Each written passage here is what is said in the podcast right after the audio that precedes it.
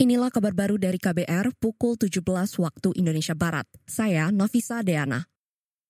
Presiden Joko Widodo mengakui masih terjadi kasus intoleransi di tanah air. Padahal Indonesia merupakan negara yang beragam dan berpenduduk majemuk atau unity in diversity. Pernyataan itu disampaikan Jokowi saat membuka Muktamar Sufi Internasional 2023 di Pekalongan, Jawa Tengah hari ini.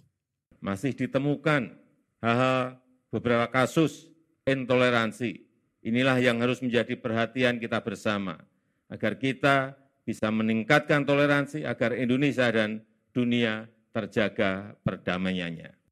Presiden Jokowi mengajak semua pihak untuk terus saling mengingatkan tentang adanya perbedaan dan keberagaman. Saudara, acara Muktamar Sufi Internasional di Pekalongan berlangsung hingga Kamis lusa. Kegiatan ini dipimpin anggota Dewan Pertimbangan Presiden Habib Muhammad Lutfi Ali bin Yahya. Tema yang diusung adalah karya sufi kontemporer dalam dunia yang dinamis. Kita ke berita lain.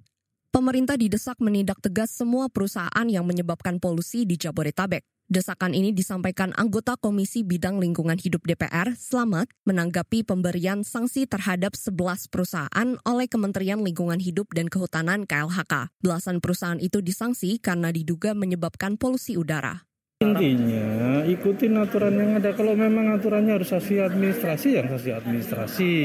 Kalau memang harus pidana, ya pidana. Jadi kita nggak bisa juga menegakkan hukum tapi melanggar aturan hukum juga. Jadi yang jelas saya eh, ya kalau ditanya apa sebaiknya dilakukan pemerintah, tegakkan hukum sesuai dengan aturan yang ada. Jangan pandang bulu, jangan tebang pilih.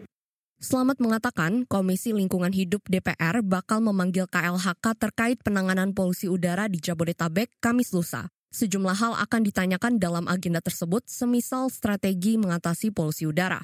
Hingga kini ada 160-an perusahaan yang diduga menjadi sumber polusi udara di Jabodetabek. Sejauh ini baru 11 perusahaan yang sudah disanksi dari pemerintah. Kita ke berita selanjutnya. Indeks harga saham gabungan IHSG ditutup menguat 0,52 persen ke level 6.957 pada akhir perdagangan di Bursa Efek Indonesia sore ini. Penguatan disokong kenaikan tujuh indeks sektoral, di antaranya sektor infrastruktur, sektor teknologi, dan kesehatan. Di hari yang sama, penguatan juga terjadi pada nilai tukar rupiah terhadap dolar Amerika. Sore ini, rupiah ditutup menguat 0,21 persen ke level 15.260 ketimbang hari sebelumnya yang ada di angka 15.292. Hari ini, mayoritas mata uang Asia menguat terhadap dolar Amerika. Inilah kabar baru dari KBR pukul 17 waktu Indonesia Barat. Saya Novisa Deana.